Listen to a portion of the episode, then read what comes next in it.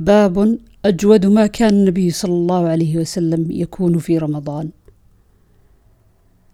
عن ابن عباس رضي الله عنهما قال كان النبي صلى الله عليه وسلم أجود الناس بالخير وكان أجود ما يكون في رمضان حين يلقاه جبريل.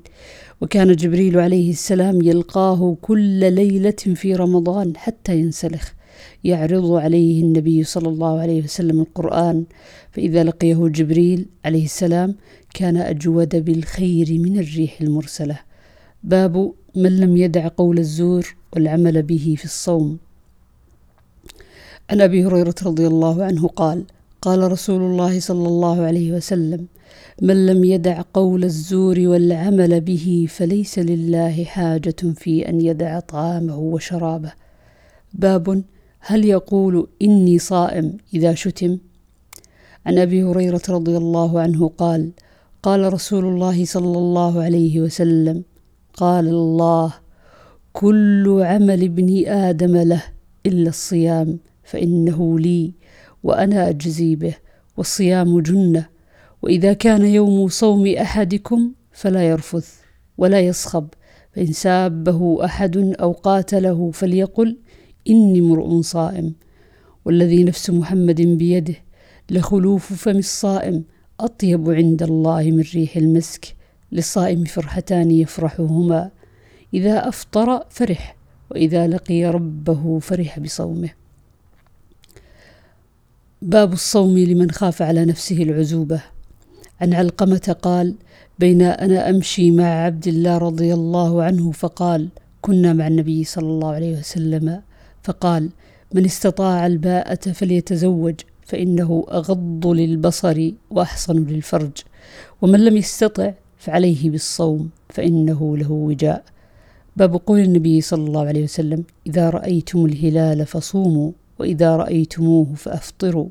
وقال صلة وقال صلة عن عمار من صام يوم الشك فقد عصى أبا القاسم صلى الله عليه وسلم.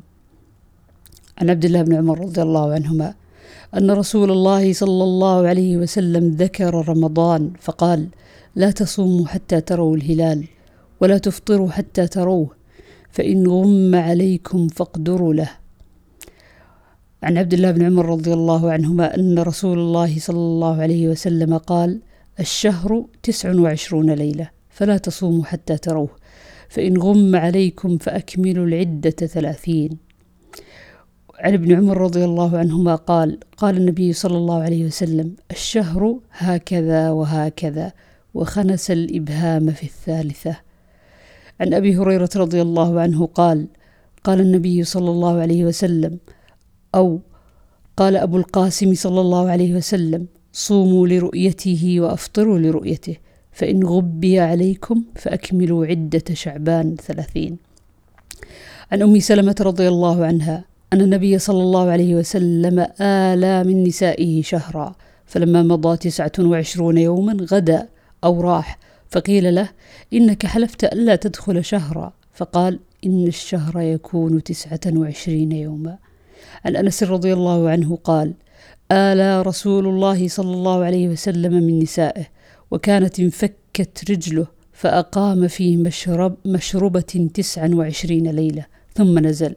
فقالوا يا رسول الله آليت شهرا؟ فقال إن الشهر يكون تسعا وعشرين.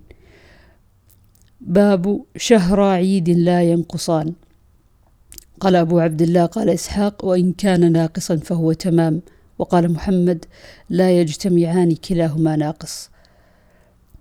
عن عبد الرحمن بن أبي بكر عن أبيه عن النبي صلى الله عليه وسلم.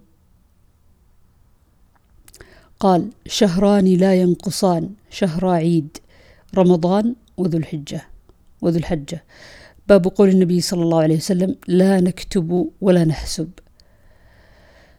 عن سعيد بن عمرو أنه سمع ابن عمر رضي الله عنهما عن النبي صلى الله عليه وسلم أنه قال إنا أمة أمية لا نكتب ولا نحسب الشهر هكذا وهكذا.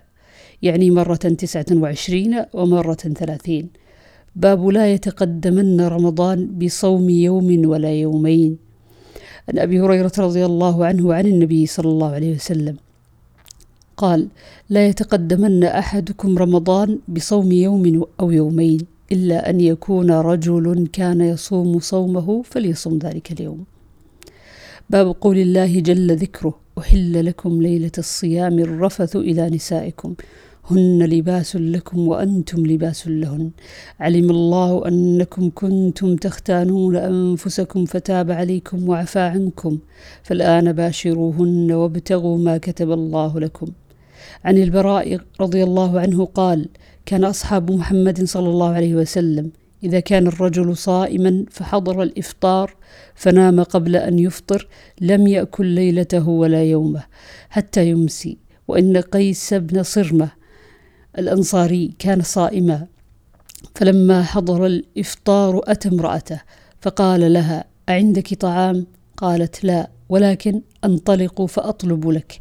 وكان يومه يعمل فغلبته عيناه فجاءته امرأته فلما رأته قالت خيبة لك. فلما انتصف النهار غشي عليه فذكر ذلك للنبي صلى الله عليه وسلم فنزلت هذه الآية.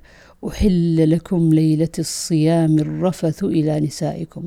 ففرحوا بها فرحا شديدا ونزلت وكلوا واشربوا حتى يتبين لكم الخيط الأبيض من الخيط الأسود.